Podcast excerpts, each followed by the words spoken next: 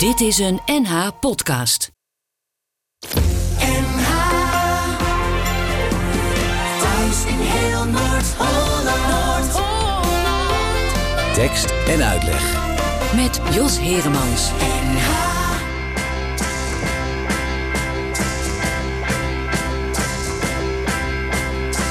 het je op dat de zon feller schijnt als de rook om je hoofd is verdwenen? Valt het je op dat de wind harder waait als je hem tegen hebt in plaats van mee? Het is koeler in huis dan aan zee als de rook om je hoofd is verdwenen. Je kerft je naam in de nerf van een boom en niemand weet ooit wie je bent. De boswachter glimlacht als hij je herkent. Je drijft langzaam mee met de stroom. Als de rook om je hoofd is verdwenen. Als de rook om je hoofd is verdwenen.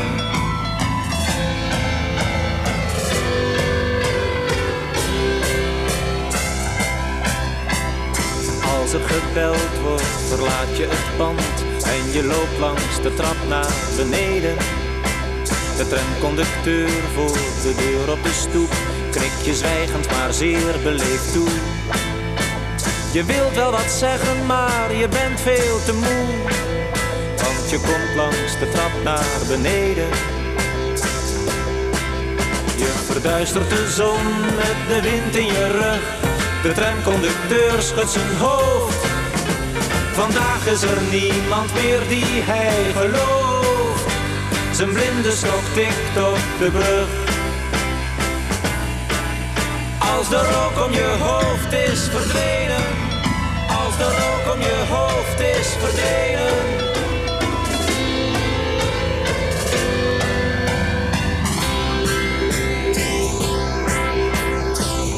Je op dat de dag langer duurt als de rook om je hoofd is verdwenen? Valt het je op dat de nacht warmer is als de nevel je ogen verzwaart? De kaars waar je samen naar staart als de rook om je hoofd is verdwenen? De klok en de klepel verzetten de tijd. Je glijdt in een sneeuwdiepe kuil. Ze vragen de morgen, je geeft hem in ruil. Het ei dat je eet bij het ontbijt. Als de rook om je hoofd is verdwenen. Als de rook om je hoofd is verdwenen.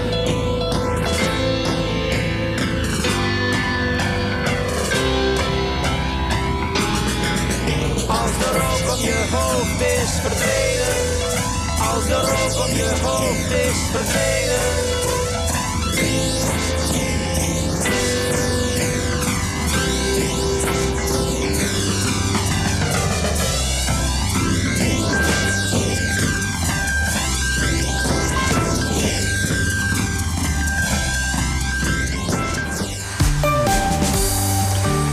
Goedemiddag, welkom bij eh, Tekst en Uitleg. En eh, in Tekst en Uitleg eh, staan we de komende twee uur stil bij Boudewijn de Groot. En dat doen we niet zomaar. We begonnen niet zomaar met als de rook om je hoofd is verdwenen. Want er ligt hier naast mij een boek van een kilootje of vijf, zes. Het heet Boudewijn de Groot, oeuvreboek. Het is geschreven door Peter Voskuil. En daarin staan alle verhalen achter de liedjes van Boudewijn de Groot. En eigenlijk nog veel meer. Goedemiddag, Peter Voskuil. Goedemiddag. Zo, wat een puist werk heb jij hier aan gehad. Eh, ja, ik ben blij eh, dat het klaar is. dat kan kunnen je... verder met ons leven. Ja, hoe lang ben je ermee bezig geweest om dit lijvige boek te schrijven? Vijf jaar. Vijf jaar. Niet fulltime, maar wel vijf jaar. Vijf jaar lang ben jij in het eh, werk van Boudewijn de Groot ged- gedoken... en heb alle verhalen proberen te achterhalen die achter de liedjes zitten. Laten we even beginnen bij het begin. Waar komt jouw eh, enorme fascinatie voor Boudewijn de Groot vandaan? Eh, mijn moeder die had vroeger een aantal platen. Eh, niet zo heel veel platen hadden wij. Mijn vader had trouwens een, een verschrikkelijke smaak. Oh ja? Ja, Nico Haak en dat soort zaken. Later ben ik dat ook wel gaan waarderen. Maar vroeger vond ik dat niks. Mhm. En er zaten een paar prachtige platen tussen. En één daarvan was een plaat van Boudewijn. Weet je nog welke? Ja, dat was een soort van best-of. Ik dacht eigenlijk, ik denk dat dat vijf jaar hits geweest is. Die blauwe. Die Ja. blauwe dubbel LP. Ja. Ja. die heb ik ook nog. Ja, ja. Heel goed verkocht in de tijd. En eh, ja, daar staan natuurlijk heel veel hoogtepunten op. En zo heb ik die muziek leren kennen. En eigenlijk is dat nooit meer weggegaan. Altijd Nee. mooi gevonden. Altijd mooi gevonden. Altijd Boudewijn blijven volgen. Maar ja, dat wil nog niet zeggen dat je als liefhebber ook denkt van... da- daar moet ik een keer een boek over schrijven. Eh, ja, dat, dat weet ik niet. Ik, eh, misschien heb ik dat stiekem in mijn achterhoofd altijd wel gehad. Van, Oh. eh, ik, ben, ik ben altijd wel geïnteresseerd in muziek. Als ik het hoor, dan vind ik het altijd ook wel leuk om er iets van te weten. Waar komt dat vandaan? Hoe is Ja. het tot stand gekomen? Ja, En eh, ja, dat is dus een van de drijfveren geweest om dit boek te maken. Echt over de muziek zelf. ja. Nou is dit niet eh, het eerste boek dat jij eh, hebt geschreven. want je hebt in 2007 ook al net zo'n pil geschreven... over het werk van Leonard Nijg. Ja. Dus jij bent echt wel ingevoerd in het genre, om het zo maar te zeggen. Nou, dat scheelde wel een hoop research natuurlijk. Dat ik dus wel vrij goed weet wat Lennart allemaal uitgespookt heeft in zijn leven. Ja, En dit was eigenlijk gewoon een hele leuke tweede stap. Ik Ja. niet zo leuk om nou een biografie te gaan maken. Want dan Mhm. zouden die boeken elkaar echt gaan overlappen. ja, En eh, ja, dit ging echt over de, over de liedjes. Dus je moet je voorstellen, we hebben gewoon eh, per interview een plaat behandeld. ja. Dus dan zaten we gewoon samen met Boudewijn lekker plaatjes te draaien. Soms in zijn tuinhuisje. soms bij mij. ook bij hem in zijn muziekkamer. En dat is gewoon hartstikke leuk. Ja, ja want eh, was eh, het feit dat jij dat boek al eerder had geschreven over Lennart Nijg... eh, gaf jou dat wat makkelijker toegang tot hem? Ja, ik denk het wel omdat ik hem al kende natuurlijk. Mhm. Daar kende ik hem al van. Ja. En dat boek vonden zij... ze vonden dat ook wel een goede biografie. Mhm, Dus dan heb je al een soort van binnenkomer. mhm. Dan, dat is natuurlijk wat anders dan dat je als volslagen onbekende in één keer aanbelt en zegt ik wil een boek gaan maken. Kan Ja. je mij even helpen? Ja, Maanden, jarenlang. ja, ja, ja, ja, want je, je- zegt het al, hè, van, je bent echt met hem eh, liedje voor liedje gaan doorspitten. Ja, dat is Jeetje. een beetje mijn tactiek ook. Oh, Ik heb dat met mijn vorige boek ook gedaan. eh, eh, en dat is, ik merk altijd dat als je het nummer daadwerkelijk draait, ondanks Mhm. dat de artiest in kwestie natuurlijk al lang vaak weet ja, wat dat eh, voor nummer eh, is en het uit zijn hoofd kent, dat je toch andere verhalen krijgt. Het gaat dan sneller over de muziek zelf. ah ja, En ik hou er wel van als muziekboeken ook echt over muziek gaan. ja precies. En niet over eh, hoeveel vrouwen iemand heeft gehad of ja, welke middelen die tot zich genomen heeft. Is soms ook wel leuk om te weten, maar ja, het, het gaat toch om de muziek zelf. Ja, en dan ga je dus liedje voor liedje af. En dan komt, eh, doe je dat dan chronologisch of pik je dan gewoon eh, Nee, we zijn heerlijk eh, heen en weer gegaan. heen en weer gegaan? Ja. Ja. Het leuke was ook dat we ook een paar keer gehad hebben van nou, welke plaat, welke stemming zijn we, welke plaat zullen we Ah, doen. zo, ja, dat is ook wel weer leuk natuurlijk. En ja, ik ben natuurlijk wel chronologisch begonnen, omdat Mhm. ik dacht eigenlijk alles chronologisch te gaan doen. Maar ja, dat was helemaal, dat maakte niet uit. Dus Nee. wij hebben twee uur de tijd. Wij kunnen er ook chronologisch doorheen. Maar ik denk dat we ook op een bepaald moment de, de weg zullen kwijtraken. Maar dat zien we wel. Eh, we gaan er gewoon eens even bij het begin beginnen. Ehm, de eerste keer dat Boudewijn de Groot eh, met muziek bezig ging. wa- wanneer was dat? 1964. Toen pas. Ja, nou, hij was al natuurlijk langer bezig. Hè? Ja. Eh, hij had gitaar leren spelen, trad af en toe op eh, op school. Mhm. Eh, zo is dat langzaam begonnen. Begon wat meer met muziek bezig. En op een gegeven moment samen met Lennart natuurlijk een bandje gestuurd. Mhm. Ontdekt door Ed Loutenslager. Dat was destijds een, Een nieuwslezer met een snor. Met een snor, ja.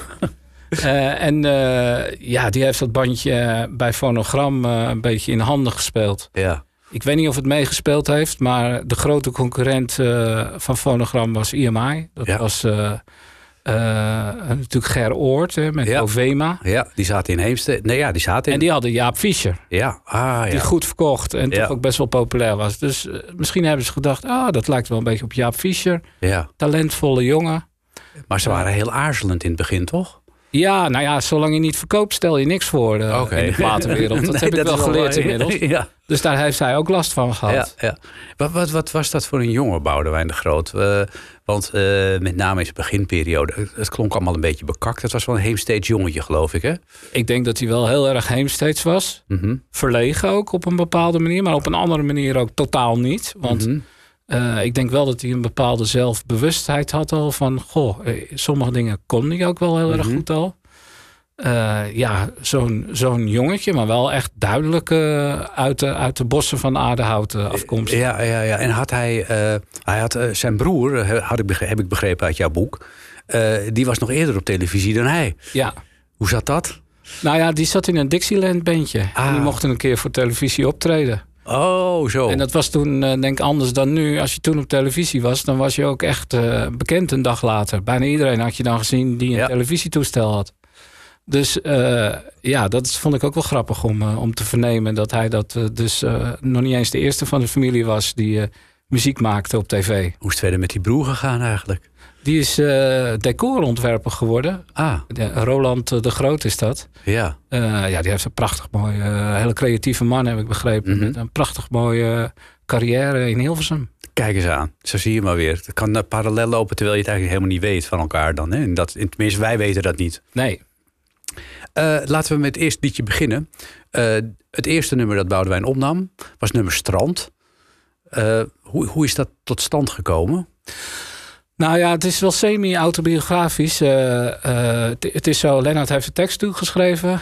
Eh, en die heeft het een beetje uit het leven gegrepen, zoals dat heet. Want Mhm. zij zaten heel veel in Zandvoort op het strand met een vriendengroep. Aha. Waar ook Boudewijn deel van uitmaakte. En ja, dat scheen toch wel een hele vrolijke boel te zijn. En Ja. dat hoor je een beetje terug. Ja, hij had eh, moeite met het tempo geloof ik ook wel. Hè? Dat moest heel snel. Nou ja, als je de tekst alleen al voor je ziet, het is zo'n lap tekst. Het is al knap dat je de muziek opmaakt. ja. En eh, ja, dat je dat eh, achter elkaar, met name tijdens live optredens. Ik heb Mhm. het hem nog zien doen, een jaar of 10, 15 geleden denk ik. ja. En wat ik toen wel heel mooi vond om te zien, is dat eigenlijk op alle plekken waar een lach moet komen, Mhm. daar, daar lachte het publiek. En het was al 40, 50 jaar later. ja. Dan, dan ga je toch wel richting tijdloosheid. Want in ja, denk- principe is het natuurlijk heel lang geleden. ja, ja, dat is zeker zo. Maar, ja, 1964. maar het is toch zo herkenbaar. Ja. Ja, eh, strand, Boudewijn de Groot, daar beginnen we mee.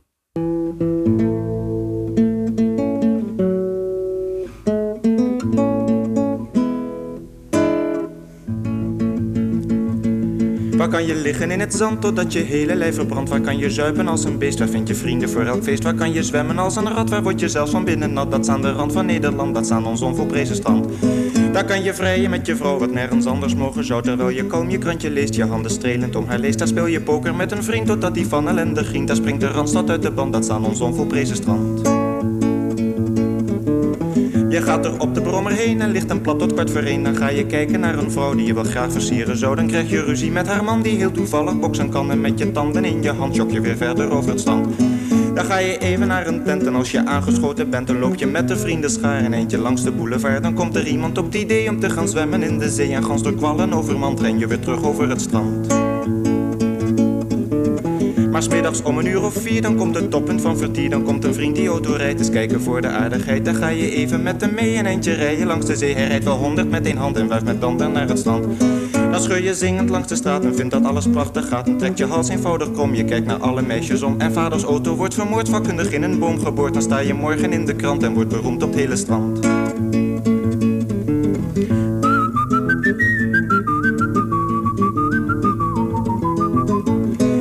S'avonds op het stille strand, dan is er weer iets aan de hand. Dan komt er een geweldig feest zoals er nooit in is geweest. Dan wordt het strandvuur opgestookt waarop men lekker worstjes kookt. En met transistors in de hand trekt heel de troep weer naar het strand. De ene komt met flessen wijn, die smaakt verdacht veel naar azijn. De tweede komt met zijn vriendin, die pikt de derde dan weer in. De vierde brengt een zak patat met onderin. En daar gat de inhoud licht verspreid in zand van drie kwart kilometer strand. Je danst en vrijt de hele tijd terwijl je in een broodje bijt. En giet je never in je kop, want anders dronk je pa op. Maar van die lading alcohol geraakt je spoedig overvol. Dan loopt de toestand uit de hand en blijf je liggen op het strand.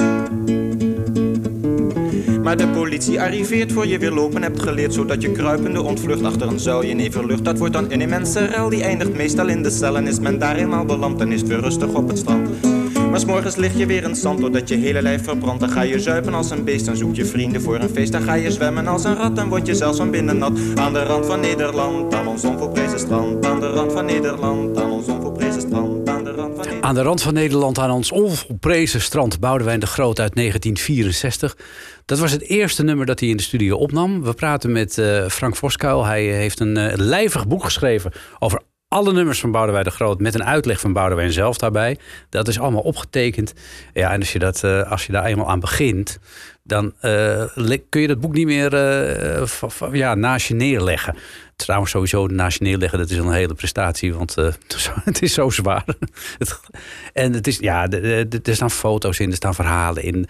het is niet alleen een, verhaal, een verhalenboek over de liedjes. Je, je hebt ook heel veel dingen over de achtergrond van zijn leven daarin aan toegevoegd. Ja, ik heb toch ook stiekem, als je alles achter elkaar leest, heb je stiekem eigenlijk best wel een soort, ja, in ieder geval een carrièreoverzicht. Ja. Maar uh, je hebt ook wel een, een, soort van biografie. Misschien wel het dichtste wat we ooit bij een biografie gaan komen. Omdat ja, Boudewijn al heel vaak heeft aangegeven dat hij dus geen biografie wil. Nee, want hij, hij blijft een liever de, de mysterieuze man op de achtergrond. Uh, nou ja, dat zou kunnen. Ik, ik, denk dat hij, ja, als je een biografie maakt, dan moet je ook best wel met je billen bloot. Mm -hmm. En uh, ja, ik kan me voorstellen dat je daar lang over nadenkt en dan misschien ook wel denkt, ik ga dat mm -hmm. niet doen. Want voor je het weet kwets je ook mensen mm -hmm. of... Uh, ja, ik denk ja. dat dat een van zijn overwegingen is. Ah ja, ja, ja. Dit nummer Strand, hoe is dat, dat is tot stand gekomen uh, doordat hij die twee nummers had ingestuurd. En toen mocht hij uh, dit nummer opnemen. Is dat ook als single uitgebracht en werd het een hit? Of, want ja, wij, wij, kennen het nu allemaal. Nou, dat werd helemaal geen hit. Oh. Uh, ik geloof dat er een paar honderd van verkocht waren na een tijdje, Mhm. mm -hmm. na, na, na een paar maanden. En ehm, ja, dus, dus, dus wij hebben het eigenlijk leren kennen achteraf misschien wel. Ah, zo ja. Ja, dat is grappig is dat dan. Hè? Terwijl je denkt van toen de tijd moet dat meteen zijn ingeslagen. Maar dat, dat is dus niet het geval. Ik heb altijd een heel leuk nummer gevonden. Ja. Vooral vanwege de tekst natuurlijk. Ja, je Echt ziet het wel voor je meteen. Ja, snedig en fantastisch ja. is eigenlijk. Ja. Uh, maar ja, soms heb je nummers, uh, dat is dan geen hit of wordt niet heel vaak gedraaid. Maar mm -hmm. dat zijn de zogeheten groeiers. Ja, ja. Ik denk dat Strand uh, een groeier, een groeier was. is. Ja, ja, ja, Is. ja. En ja, misschien nog steeds wat is, ja. Zullen we even gaan luisteren naar hoe over het algemeen... want in de tijd van Boudewijn de Groot, 1964... was dit redelijk baanbrekend.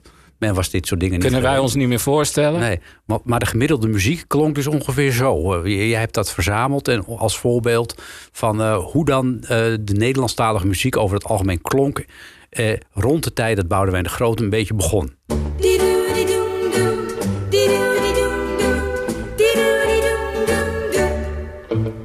Zeven leuke meisjes zaten in mijn auto, achterin te vrijen met Koen. Ik zei, laat toch een van jullie naast me komen zitten. Maar die leuke meisjes zeiden toen. All together girls, one, two, three. Hou je handen aan het stuur en je ogen op de weg. Praten om het rijden moet je ook niet doen. En hoor je een klap, dan is dat niet je band. Wat is dit? Uh? Ja, dit, dit, dit is waar de Nederlandse popmuziek eigenlijk vandaan kwam op Oh. dat moment. Echt gewoon, en dit is helemaal breed. Hè? Je, je Ja. had natuurlijk wel Peter Koelewijn eh, met Kom van het dak af. Dat Ja. was echt wel een, eh, Ja. een, een soort knal die in één keer er was. Maar over het algemeen zo, zo truttig Ja, ongelooflijk. allemaal. En, en, en ja, daar, dat, dat is waar hij eigenlijk het landschap waar hij instapte in 64. Dus ik kan me voorstellen dat ze toen zoiets hadden van... nou, nou eh, we doen even voorzichtig aan met die jongen. Nou ja, er was meteen ook al, eh, werd er natuurlijk best wel ook gesproken van schande van dat hij de teksten, eh elegie prenatale, dat nummer eh, over ongewenste zwangerschap. Mhm. Eh, ja, dat, dat kwam toen, dat kunnen wij ons niet meer voorstellen. Maar toen kwam dat er gewoon aan als dat op televisie kwam en iemand zong zoiets. Dat kon niet. Nee. Nee. En dat deed hij notabene eh, in een televisieshow, eh, Nieuwe Oogst. Een soort talentenjacht. Ja, zeg maar het Idols van toen. Ja, Met ook André van Duin eh, als uiteindelijke winnaar. Dus we hebben daar eigenlijk best wel in één, in één aflevering toch Ja. eh, best wel wat goede mensen aan, Ja, want aan dat- overgehouden. ja want dat was de finale. Hè? Eh, André van Duinen met die, met die bandparodie. Een soort, ja, soort ultieme playback show eigenlijk. ja, En, en Boudewijn de Groot met het serieuze nummer over ongewenste zwangerschap. ja. Dat is Fantastisch uit dat dat ook in één in één uitzending kon toen ja, nog. Hè? Ja, toen kon dat. Ja, ja, ja, ja. ja, het kan misschien nog steeds wel. Misschien bij eh, heel Nederland heeft talent of zo. Dat soort shows. Dat je hele, hele uiteenlopende dingen doet. Maar ja, dan een jongen met een gitaar. Ja, je had vroeger maar één net. Dus alles, eh, of misschien net aan twee. Nee, ik denk dat je Ja. toen nog één net had. Ik weet het niet eigenlijk. Ik denk ook nog maar één net. Ja, ja. ja, dus alles moest op dat net. Ja, Dat is ook wel weer mooi ja, eigenlijk. ja het, het, het, het scheelde een heleboel keuzestress in ieder geval. Ja. Ehm, nadat eh, Strand was opgenomen, bleef het een tijdje stil rondom eh Boudewijn de Groot. Althans, eh, het was niet zo meteen dat ze zeiden: ga een LP maken of zo. Nee, dat moest je in die tijd echt verdienen. Oké. En de verkoopcijfers waren daar eh, eigenlijk totaal niet naar. Mhm. Eh, dus ja, wat er gebeurd is, is dat Tony Vos, de producer, die is toch op een gegeven moment na de eerste nummers gaan denken van wat gaan we doen eigenlijk met deze man? Ja, En die heeft op een gegeven moment een cover opgeduikeld. Een, een nummer wat in het buitenland populair was. populair was. Ja, En eh, eh, dat is eh, A Young Girl of 16. ja, Terwijl wij kennen het inmiddels als een meisje van 16. ja, en, En, de- en daar is een cover van gemaakt. En Ja. dat moest de hit worden. ja want En als het geen hit was geworden, dan hadden we misschien ook wel een veel kortere carrière van Boudewijn eh, ja, want gezien. Ja, dat denk ik ook wel. Want het, het, het, het grappige was dat Tony Vos heeft dat nummer natuurlijk eh, opgedoken uit het Engels. Ja. Terwijl het oorspronkelijk weer uit het Frans kwam eh, van Charles Aznavour. En ik heb die uitvoering van Charles Aznavour wel eens gehoord. Nou, die is ongeveer eh, tien keer langzamer. Ja, En die Engelse uitvoering is, is eigenlijk bijna hetzelfde als de uitvoering van Boudewijn de Groot, toch? ja, dat is eh, min of meer één op één eh, overgenomen. Ja, En toch ook wel eh, een stap in Boudewijnse muziek. Omdat Mhm. hij voor het eerst natuurlijk met een, eh, met een band of een orkest ging spelen, zoals dat toen heette. ja hoe vond hij dat? Eh, ja, in het begin heeft hij zich daar heel erg tegen verzet. Hm. Eh, maar hij begreep ook wel dat het misschien wel moest. Mhm. Eh, en uiteindelijk vond hij het stiekem natuurlijk heel lekker gaan. Want ja, eh, het- het- je hoort ook aan dat nummer dat het ook goed klinkt. En Ja. dat is natuurlijk heel wat anders dan dat je met je akoestische gitaartje staat. ja, dat kun je wel zeggen, ja. Want hij was natuurlijk een beginnend artiest. En Ja. de wetten zijn ook zo, of waren ook zo, dat je dan niet zomaar een heel strijkersorkest of zo. Nee. eh, Er werd gewoon heel, er werd echt met de hand op de knip gekeken van wat gaan we maken. En dan is het natuurlijk alleen een akoestische gitaar en een stem. Is Ja, daar, daar kan je nog wel eens een risicootje mee lopen. dat is waar, ja. Maar als je dan na een tijdje eh, natuurlijk versterking krijgt, letterlijk en figuurlijk, ja, dat is, lijkt mij heerlijk voelen. Ja. Ja, hij heeft het eind van het nummer heeft hij, eh, laten aanpassen, heb ik begrepen. hij was eigenlijk bang, hij vond het een smartlapperig. Mhm. Hij was bang om een smartlap te maken. Ja, Eh, en het nummer eindigt met dat het meisje dus dood aan de kant van de, aan, van de weg ligt. ja. En eh, ja, dat heeft hij gewoon geweigerd te zingen en weggelaten. ja, dat is... Het nummer heeft nu een wat meer open einde. Ja, meisje gaat niet dood. Mogen Ja. er zelf bij bedenken. eh, ik wat ik acht trouwens eh Boudewijns versie, maar misschien ben ik niet helemaal objectief. Die acht ik beter dan eh, Charles Aznavour en Noel Harrison, zoals die heet, eh, bij elkaar hoor. Ah, Oké, echt een prachtig eh, Nederlands klassiek chanson, kunnen we Nou. het misschien wel noemen. we gaan er naar luisteren. Een meisje van 16.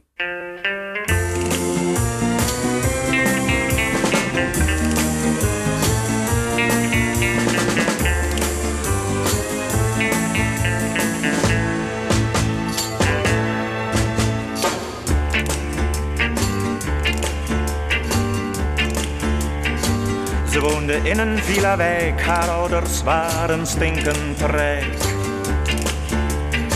Toch was daar niets meer dat haar bond, ze gaf zich aan een vagebond. Die sprak van liefde het oud verhaal en zij geloofde het allemaal. Zo ging ze weg, ze nam niets mee, alleen haar jeugd en het idee dat hij haar man was, zij zijn vrouw. En het altijd zo blijven zou.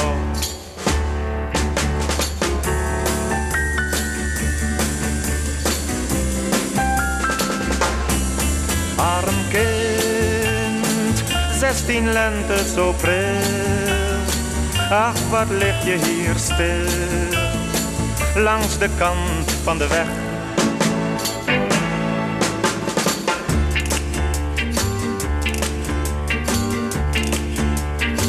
Ze trokken voort van stad tot stad omdat hij ruimte nodig had.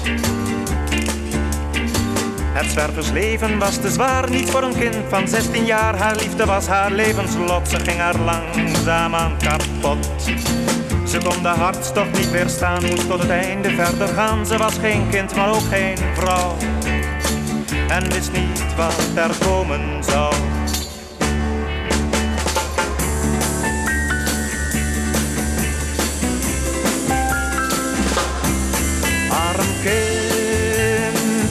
Zestien lente zo pril. Ach, wat lig je hier stil, langs de kant van de weg.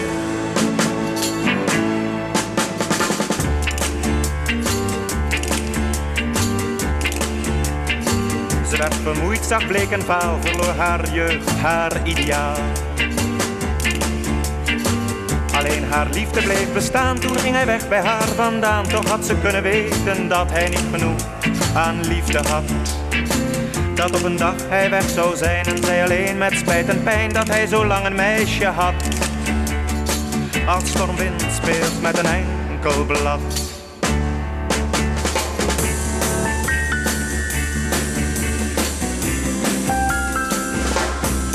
Arm kind, zestien lente zo pril.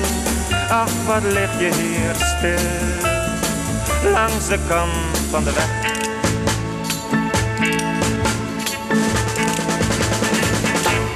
Tekst en uitleg. En in tekst en uitleg eh, praten we vandaag eh, met eh, Peter Voskuil. We doen dat twee uur lang. eh, want eh, we hebben zoveel nummers te draaien van Boudewijn de Groot... waar we het over willen hebben, dat we ruim de tijd nemen. En je weet het, Geweldig. hè? Ja, goed hè? Eh, ja.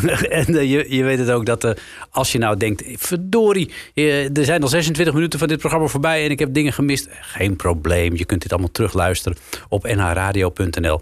En na de uitzending verschijnt er ook een podcast in twee delen. En dan kun je het allemaal nog eens een keertje zo vaak terugluisteren als je maar wil. Geen paniek dus. Eh, wat gaan we doen? Nou, we gaan eens even kijken naar een nummer wat iedereen wel eh, kent van eh, Boudewijn de Groot. En dat is natuurlijk Testament. Hoe is dat nummer ooit ontstaan, Peter? Want was dat na Meisje van 16 een logische opvolger?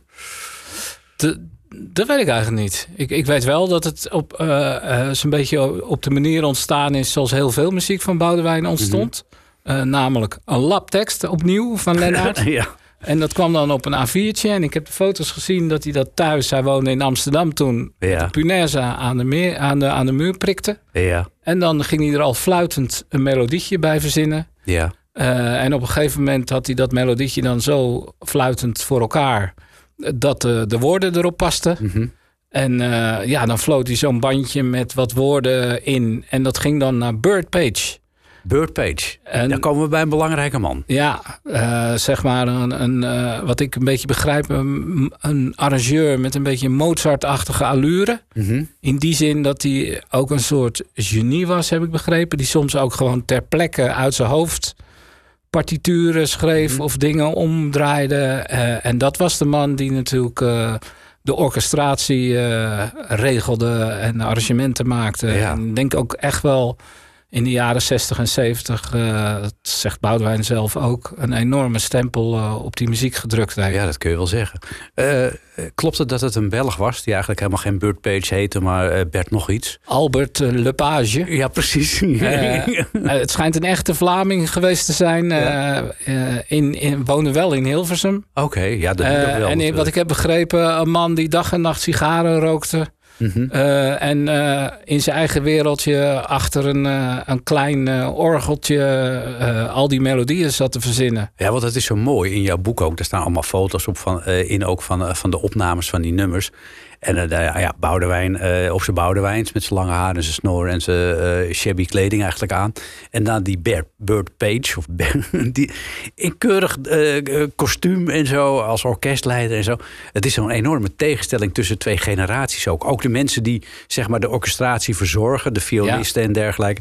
Keurige mensen. Ja. En ja, die, die spelen toch allemaal mee. Nou, dat was ook wel een leuk verhaal van Boudewijn. Dat hij mij dat dus vertelde. Dat hij dacht, oh, een oude vent gaat mijn muziek doen. Oh ja. Met andere woorden, er kan nooit zoveel eh goeds van komen. Ja. Want ja, Boudewijn eh, die wilde ook wel hip zijn. En natuurlijk gewoon eh, muziek van nu maken. En Ja. die luisterde ook naar wat er in het buitenland allemaal op muzikaal gebied gebeurde.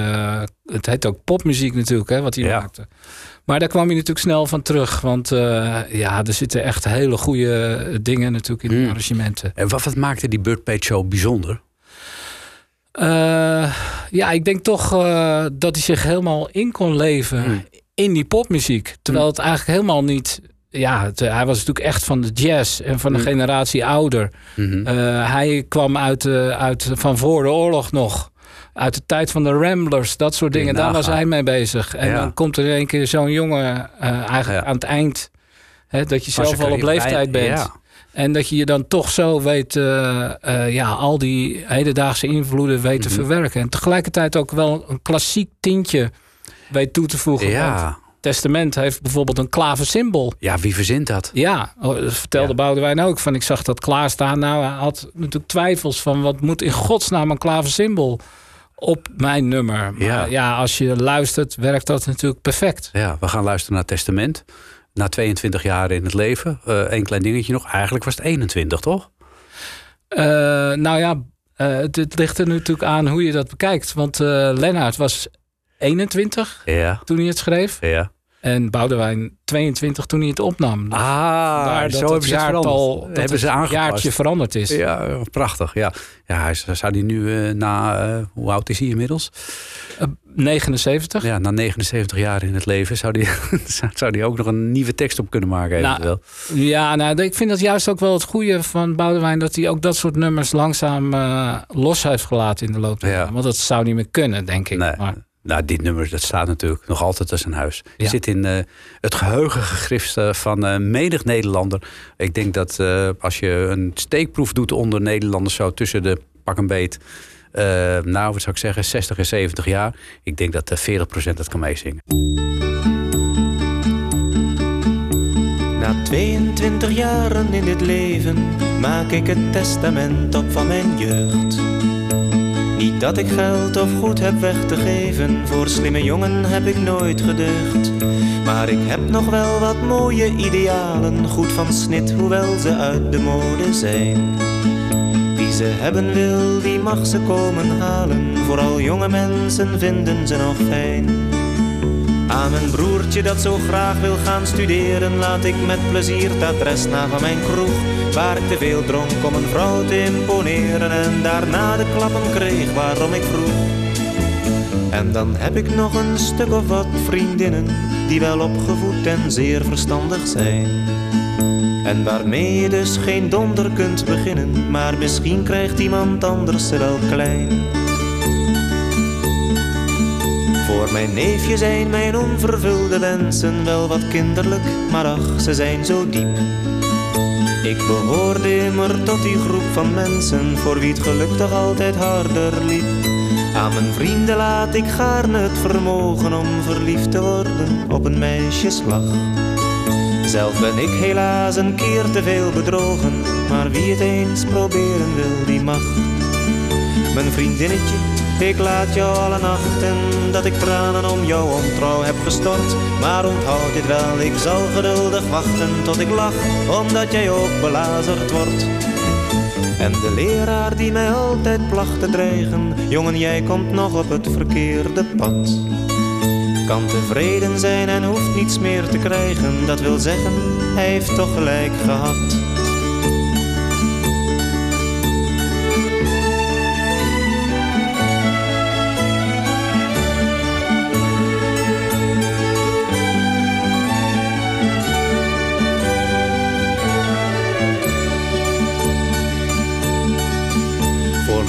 Ouders is het album met de plaatjes die zo vals getuigen van een blijde jeugd. Maar ze tonen niet de zouteloze praatjes die een kind opvoeden in eer en deugd. En verder krijgen ze alle dwaze dingen terug die ze mij te veel geleerd hebben die tijd. Ze kunnen mij tenslotte ook niet dwingen groot te worden zonder diepe rouw en spijt.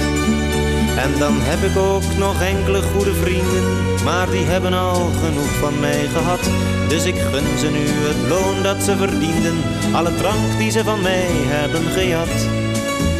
Verder niets, er zijn alleen nog een paar dingen die ik houd, omdat geen mens er iets aan heeft. Dat zijn mijn goede jeugdherinneringen, die neem je mee zolang je verder leeft.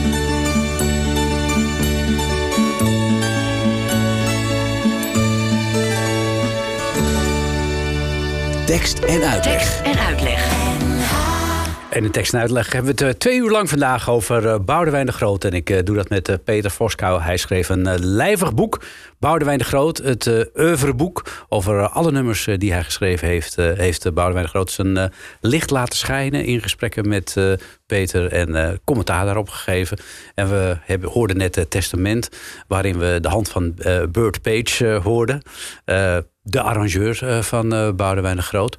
Denk jij dat Boudewijn de Groot, als hij had volgehouden, Peter, om uh, singer-songwriter te blijven met een gitaartje, uh, dat het dan net zo goed met hem was gegaan, carrière technisch gezien, als, als nu? Nee. Ik, ik, wat wat dit soort oeuvre-artiesten eigenlijk moeten doen, is zichzelf vernieuwen, constant. Mm -hmm. En toch zorgen dat ze hun oude publiek niet kwijtraken. Ja. En dat is eigenlijk heel erg moeilijk. Ja. En dat zijn er dus maar een paar die dat, zeker in een klein taalgebied als mhm. Nederland, die dat voor elkaar krijgen.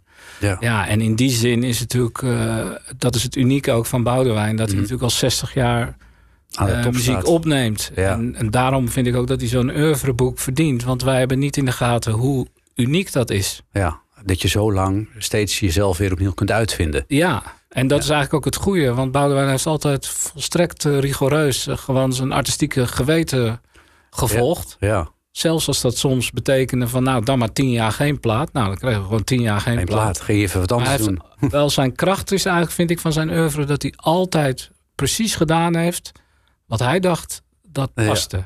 Ja. Dat, dat, het was wel zo dat op een gegeven moment uh, in, in, het begin van de periode... Uh, dat Tony Vos ook tegen hem zei van luister nou, zijn producer...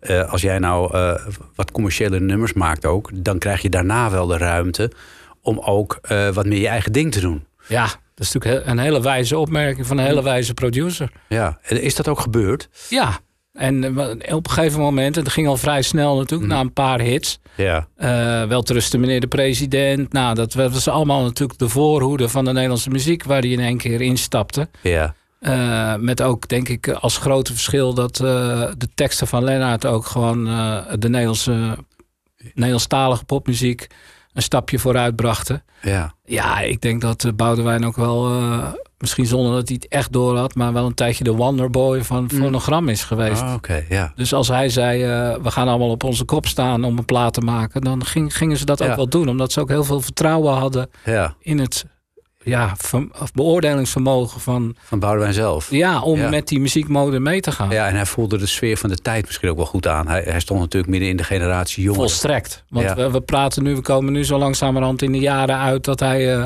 echt lange haren. Ja, ja het is echt gewoon een, een, een, popster eigenlijk als je hem ook ziet. Ja, je zou denken, zo gaat hij het podium op. Maar had laarsjes aan en echt hippie kleding. Ja, en protesten tegen de Vietnamoorlog, et cetera, et cetera. En dan komen we uh, eigenlijk, uh, die, die vrijheid die hij kreeg... Uh, resulteerde er ook in dat hij een, een album kon maken zoals Picnic. Ja. dat was een heel bijzonder album het Nederlandse ant antwoord op Sgt. Pepper uh, van de Beatles. Oké. Okay.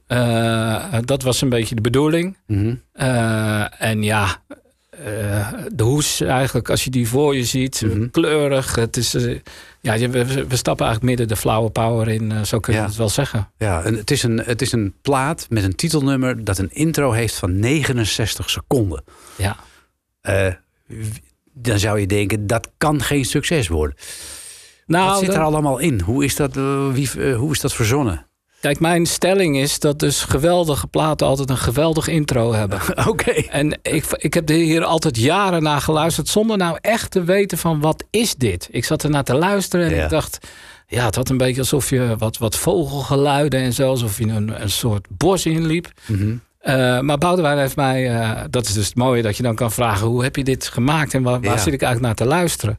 Maar waar je eigenlijk naar luistert, is Boudewijn die gewoon vreemde geluiden staat te maken.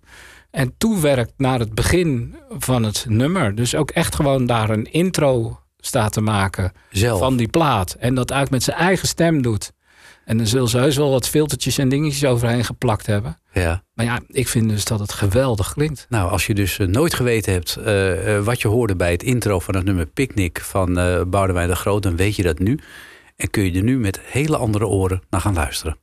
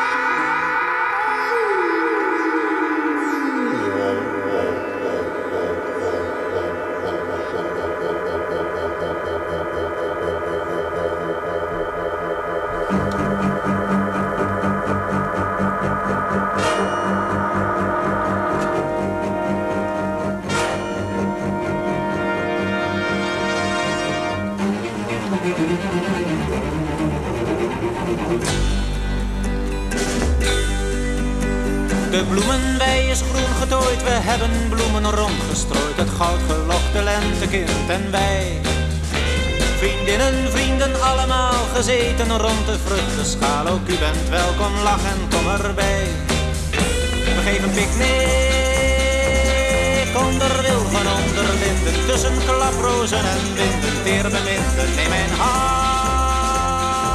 en sluit je ogen, pluk een bloem.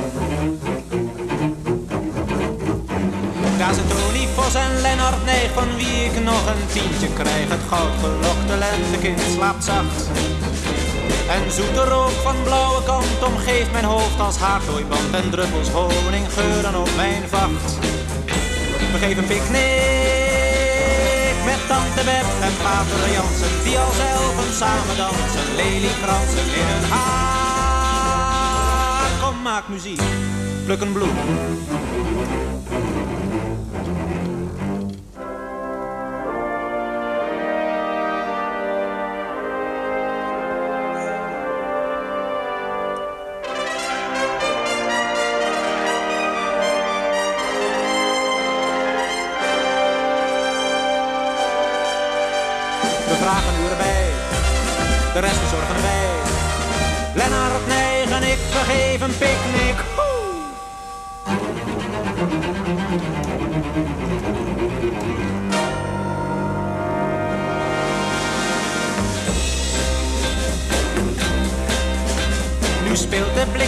Blikkenblazers, bent die meer dan honderd nummers kent. Het goudgelokte lentekind speelt fluit.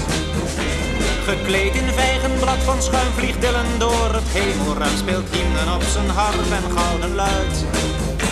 We geven picknick voor de elfen en de geeën. Voor de runderen en de reeën, voor zijn tweeën. Iedereen moet aardig zijn, pluk een bloem.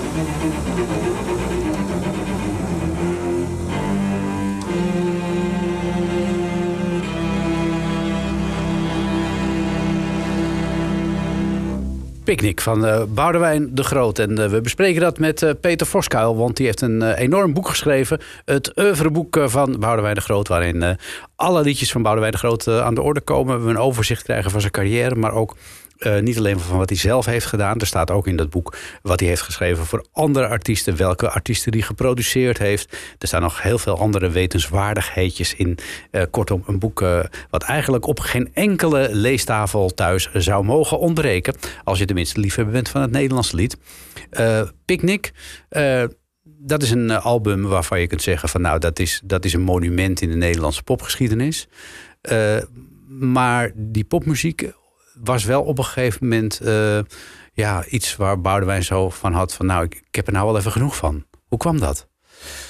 Nou, het is sowieso moeilijk om je staande te houden in de Nederlandse Mm. popmuziek. Er zijn niet heel veel mensen die heel lang hun, hun geld daarmee hebben kunnen verdienen. En wat Boudewijn, eh, wat hij mij verteld heeft, wat hij had, was eh, dat hij, hij moest live optreden natuurlijk. Daar, eh, dat was ook een inkomstenbron. Ja. En dus werd hij vaak in, eh, vaak was het in feesttenten. En dan stond hij eigenlijk, had geen band. Hm. Hij stond met zijn gitaartje tussen de beatbands in. Je meent het. En dan word je een beetje weggeblazen. En Ja. en ja als je, hij werd een beetje, ja, de, hij noemt dat zelf, dat hij de eh, een beetje burgerlijke, truttige liedjes eh, zong. Eh, vergeleken met die beatbands. Ja, die, Dus die hij, echt even hij werd een beetje weggeblazen. En op een gegeven moment was hij dat zat. Hij kwam Ja. ook in allerlei situaties waar hij helemaal niet wilde zijn. Nee, en ik kan me ook voorstellen, eh, het Nederlandse publiek kennende, dat die ook niet echt stil zijn. Nee, die, die, waren, die waren allemaal bier aan het drinken. En die zitten dan niet op een Boudewijn de Groot te wachten... Hm. om daar even stil voor te zijn... en drie minuten naar te gaan zitten luisteren. Ja, en theaterconcerten bestonden in die tijd nog helemaal niet, hè? Nee. Nee. Dus dat is eigenlijk best wel eh, natuurlijk iets waar hij mee worstelde. En Mhm. uiteindelijk eh, heeft hij ook het besluit genomen. Nou, ik ga ook in het Engels zingen. Ook met een beatband. Dat Oh. is eigenlijk wat hij gedaan heeft. En hoe liep dat af? Eh, nou ja, dat liep dus. Het eindigde op een bepaald moment in een, in een boerderij in Drenthe. Geheel in de geest van de tijd. Hè? Want wij, zeg maar, iedereen was toen eh, Into de platteland. op, op het platteland. eh. Het liefst wonend in een boerderij. Dus hij kocht ook een boerderij. Mhm. Verzamelde wat muzikale muzikantenvrienden om zich heen. En eh, ja, daar was de bedoeling dat ze dus aan Engelstalig repertoire zouden gaan werken. Mhm. Er zijn wel wat singeltjes uitgekomen, maar dat is, dat is niet geworden eh, wa- ja, waarvan hij dacht van dit moet het zijn. Hij Nee. twijfelde ook over zijn uitspraken, heeft hij verteld. Oké. Eh, en van repeteren kwam sowieso niet zoveel, want eh, de rest van de band was heel erg aan het blowen. Oké. Uh, Boudewijn zelf ook wel, maar ja, die had toch op een gegeven moment wel het idee van laten we nu weer eens gaan repeteren. Maar Ja. ja, ja dus dat is geen succes geworden. Hey, jeetje, wat moet hij zich wanhopig hebben gevoeld toen? Ja, want op een dag is hij ook zo wanhopig geworden dat hij iedereen uit zijn boerderij gegooid heeft. Oh. En eh, eh, ja, hij noemt dat zelf hangende pootjes. Met hangende pootjes is teruggegaan eh, naar de Randstad. Mhm, Lennart heeft opgebeld. Goh, zullen we weer eens wat maken? mhm. Ja, en daar is natuurlijk die fantastische plaat... Hoe sterk is de eenzame fietser uit voortgekomen. Ja.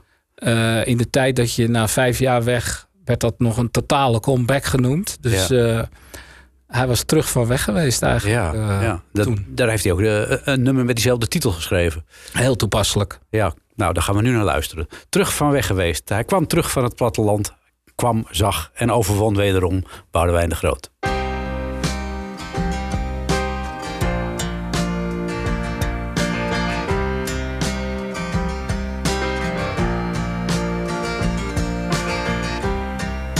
Je had een vrouw en huis, je had je eigen leven, maar het bleek een weg die doodliep. Je bent weer teruggegaan, je loopt weer door de stad, waar alles is begonnen. Probeert het te vergeten, niet stil te blijven staan. De vrienden in het café, ze zijn niet veel veranderd. De ene is wat dikker en de ander is getrouwd. Je lacht alleen niet meer om al hun flauwe grappen. Zij bleven oude jongen. Jij werd alleen maar oud.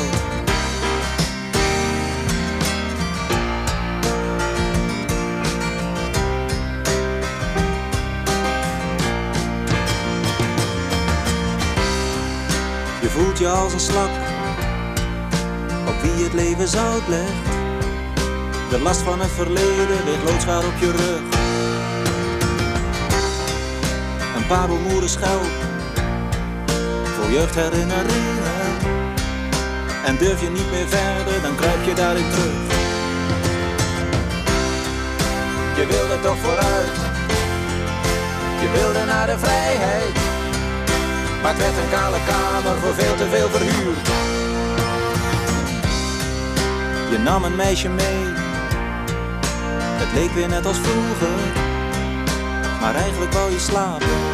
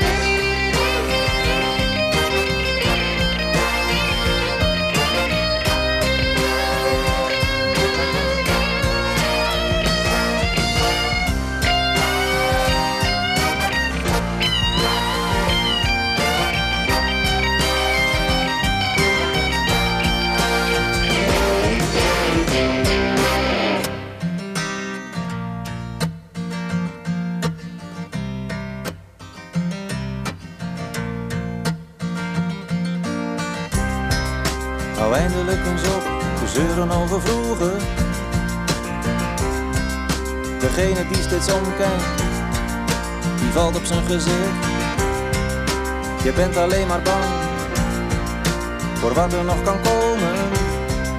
Dat kan zoveel niet wezen. Ah, nou je mond is dicht. Toch wil je het overdoen. Maar waar moet je beginnen? Je hebt te vaak geaarzeld, te vaak verkeerd beslist. Je bent alleen verdwaald. Het bos is groot en donker. De kruimels brood verdwenen.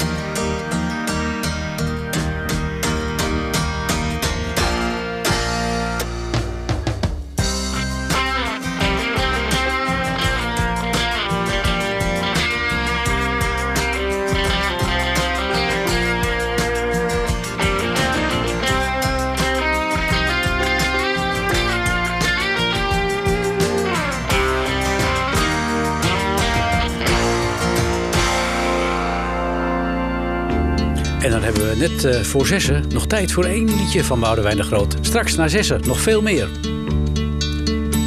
Jouw armen liefste zijn niet om te slaan. Je moet je handen niet tot vuisten maken. Je ogen hoeven niet zo hard te staan. Ontspan die harde lijnen om je kaken. Je lichaam lief is zacht om aan te raken. Maar jij denkt enkel aan je eigen heil. Jij denkt alleen maar aan je eigen zaken. En dat is toch beneden alle pijl. Bekijk jezelf en lach, je zachte arm is voor mijn hoofd gemaakt om op te rusten. Je borst als veilig kussen houdt me warm, maar warmer zijn je lippen die me kusten.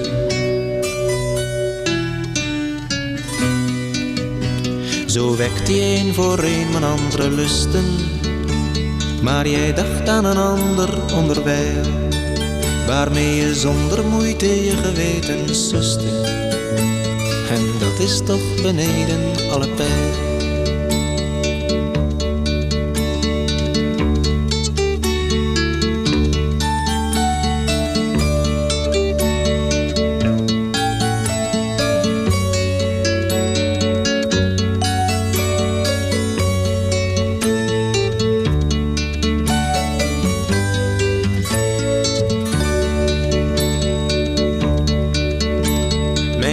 Was de inzet voor jouw spel.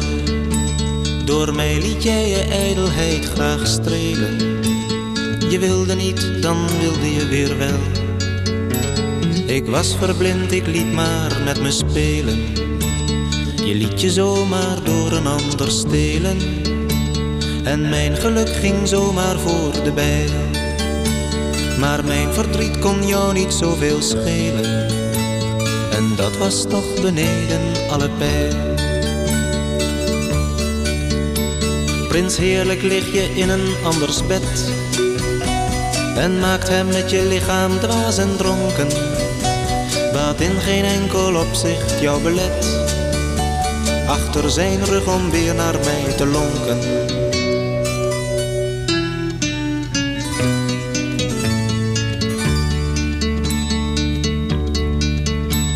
Bedriegen ligt nu eenmaal in jouw stijl. Je hebt je in het geheim aan mij geschonken. Maar het is toch wel beneden alle pijl.